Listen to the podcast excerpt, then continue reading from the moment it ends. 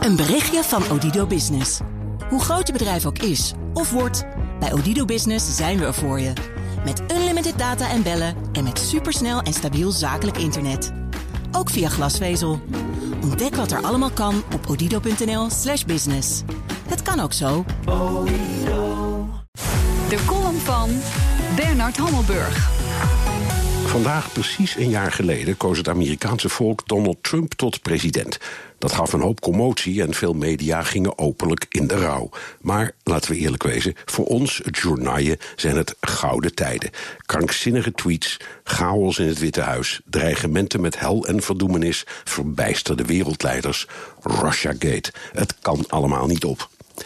Ik geef nog alles lezingen en of het onderwerp nu de brexit is... of de olieprijs, of het Midden-Oosten, of de toekomst van Europa... of het liefdesleven van de honingbij... de eerste vraag gaat stevast over Donald Trump. Wordt hij afgezet? Begint hij de derde wereldoorlog? Komt die Mexicaanse muur er echt? Heropent hij de koolmijnen? Gaan alle vreemdelingen eruit? Het antwoord is nee, gaat allemaal niet gebeuren. Kan dat dan zomaar? Ja, want in een democratie heeft het volk het volste recht om een omhooggevallen scharrelaar in stenen en beton te kiezen.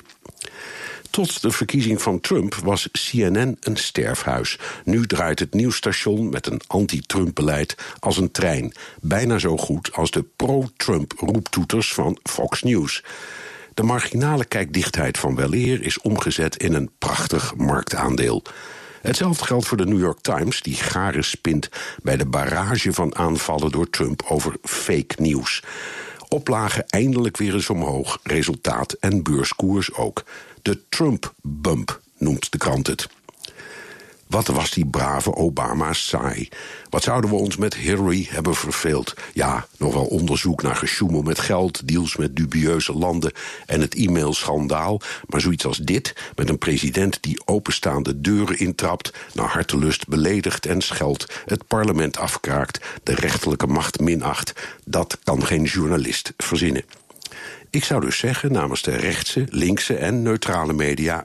thank you, Mr. President. Ga lekker door met schelden, beledigen, intimideren... en vooral met die kostelijke tweets. Voor ons van de fake media wordt het afkicken over drie jaar. Of mogen we alvast stiekem hopen op een tweede termijn. En dat zei Bernard Hammelburg in zijn uh, wekelijkse column. En die kunt u teruglezen en luisteren op bnr.nl en in de BNR-app. Een berichtje van Odido Business. Hoe groot je bedrijf ook is of wordt, bij Odido Business zijn we er voor je. Met unlimited data en bellen en met supersnel en stabiel zakelijk internet. Ook via glasvezel. Ontdek wat er allemaal kan op odido.nl/slash business. Het kan ook zo.